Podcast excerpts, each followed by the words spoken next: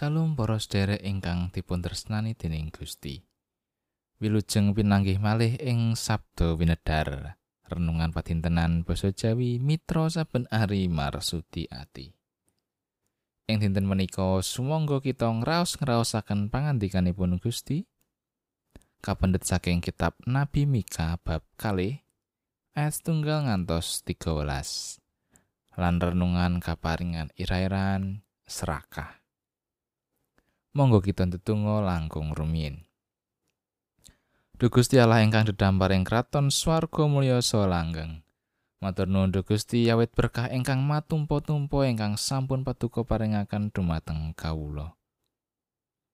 Ing wekdal ingkang mirunggan peparing paduka menika, kawula sumadyo nampeni sabda saking paduka. Mugi Gusti nyagetaken kawula mangertosi isining pangantika paduka.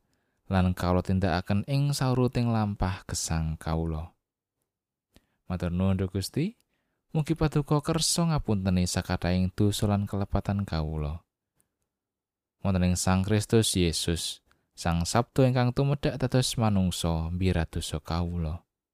Amin. Wawasan kapendet saking kitab Nabi Mika bab kalih ayat setunggal ngantos 13. Ipat-ipat marang wong kang nindes. Bilai wong kang padha ngrancang-rancang duraka lan kang rantam-rantam piolo ana ing paturane sarta bareng esuk ditindakake. Marga prakara iku ana ing panguasane. Kang menawa melik pategalan iya tumuli ngrebut lan omah-omah iya banjur disrobot wae. Kang rada peksa wong dalah saisine omahe wong satanah pusakane.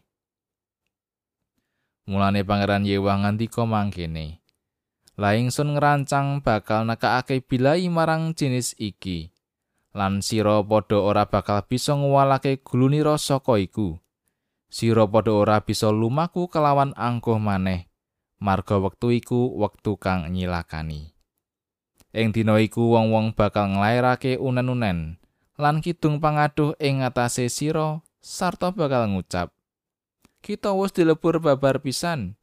Pandumane warisan bangsa iku wis kaukur nganggo tali lan ora ana wong kang balekake pategelan-pategelan kita diudum-udumake marang wong kang padha nawan kita. Mulane bakal ora ana wong kang nguncalake tali kelawan undian kanggo sira ana ing pasamuane Sang Yewa aja medhar wangsit mangkono celatune. Wong ora nglairake wangsit kang kaya mangkono iku. Kita ora bakal oleh panajat. Hei Bani Yakub. Apa bab iku kena dikandhakake? Apa pangeran Yewah kurang sabar? Apa kaya ngene pandamele? Pangandikaning sun iku rak becik tumrap wong kang laku bener nanging sira padha madeg dadi mungsuhe umat ingsun. Sira padha ngrebut jubahe wong kang seneng rukun wong-wong kang padha liwat kalawan tentrem kang ora kepengin perang. Para wong wadon panunggalane umat ingsun iku padha sira tundung saka ing omah kang disenengi. Sarta rerengganing bayi-bayine peparing ingsun padha sira jupuk kanggo ing selawase. Ngateka budalo awit ing kene iki dudu papan palereman kanggo sira. Marga saka kanajisan sira banjur bakal padha ketaman ing karusaan malah karusaan kang ora kena dipulihake. Menawa ana wong kang pinter ngotak-atik lan hapus-hapus ngucap aku mudhar wangsit marang kowe bab anggur lan badhek. Iku kang pantes dadi wong kang medhar wangsit tumrap bangsa iki. He Yakub ingsun mesti bakal nglumpukake sira kabeh lan iya mesti bakal nglumpukake kekarene Israel. Sun nglumpukake dadi siji kaya wedhus kang ana ing kandang, kaya pepantan ana ing satengahing. Temah kanan banjur dadi rame dening kaing wong. Jurupan robos bakal lumaku ana ing ngarepe. Padha robos lan liwat ing gapura lan bakal metu saka ing kono. Ratune bakal tindak terus ana ing ngarepe sarta pangeran Yewah piyambak tindak ana ing pucuke pabarisan. Mangkatan pangandikanipun Gusti. Ayat sing menika ayat 3. Laing sun ngrancang bakal nakakake bilai marang jenis iki. Para derek. Materialisme utawi karem bondo menika pranyata sampun ngwaosi tiyang wiwit jaman rumiyin ngantos dumugi jaman samangke. Nalika jamanipun Nabi Mika sampun dados limrah katindakaken dening tiang Yehuda pados bondo kasugihan kanthi cara ingkang boten prayogi. Kagambaraken bilih tiang-tiang ingkang nggadahi panguwas saming migunakaken panguwasipun kangge nundung tiang ing saking griya lan tanah pusakanipun piyambak lajeng dipun darbei. Tiang-tiang menika saged sami tumindak mekaten awit sami dene serakah. ingkang dipun penggalih namung rancang kados pundi anggenipun saged nggadahi barang darbeipun tiang sanes kanthi maneka warna cara. Materialisme menika asalipun saking wewatekan serakah. Awit serakah mila piyambakipun boten nate ngraosaken marem sinaosa binerkahan dening Gusti Allah nggadahi barang darbe ingkang kathah. Nalika ningali wonten sesaminipun ingkang nggadahi barang darbe, piyambakipun meri lan gadah krentek supados barang darbe menika dados gadahanipun. Tiang ingkang serakah purun nindakaken menapa kemawon kangge gayuh menapa ingkang dados pepinginanipun. Ananging Gusti Allah boten badhe mendel kemawon. Nabi Mika meco bilih Gusti Allah sampun ngerancang datengaken bilai tumrap tiang-tiang ingkang sami nindes sesaminipun.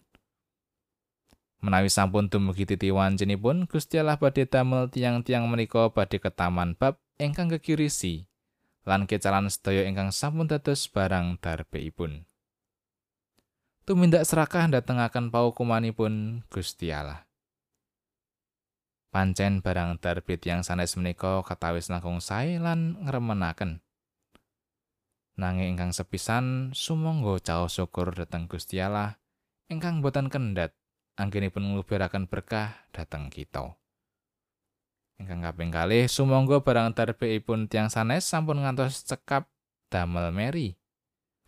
Nanging kadadosaken daya anggen kita sang saya tegen anggenipun budidaya lan nyambut damel selaras kalian kersanipun Gusti Allah. Amin.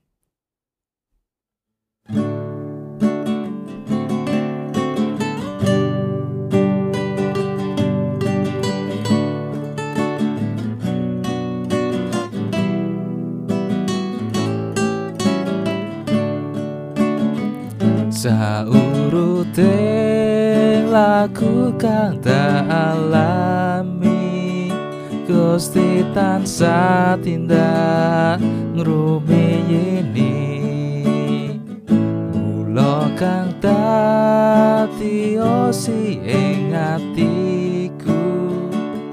Gustiku sestu setya tuhu salahku Gusti tatane kagen layan setyo teniro angrekso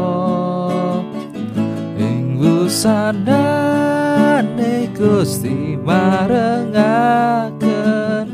aku nere ing kamulyan swarga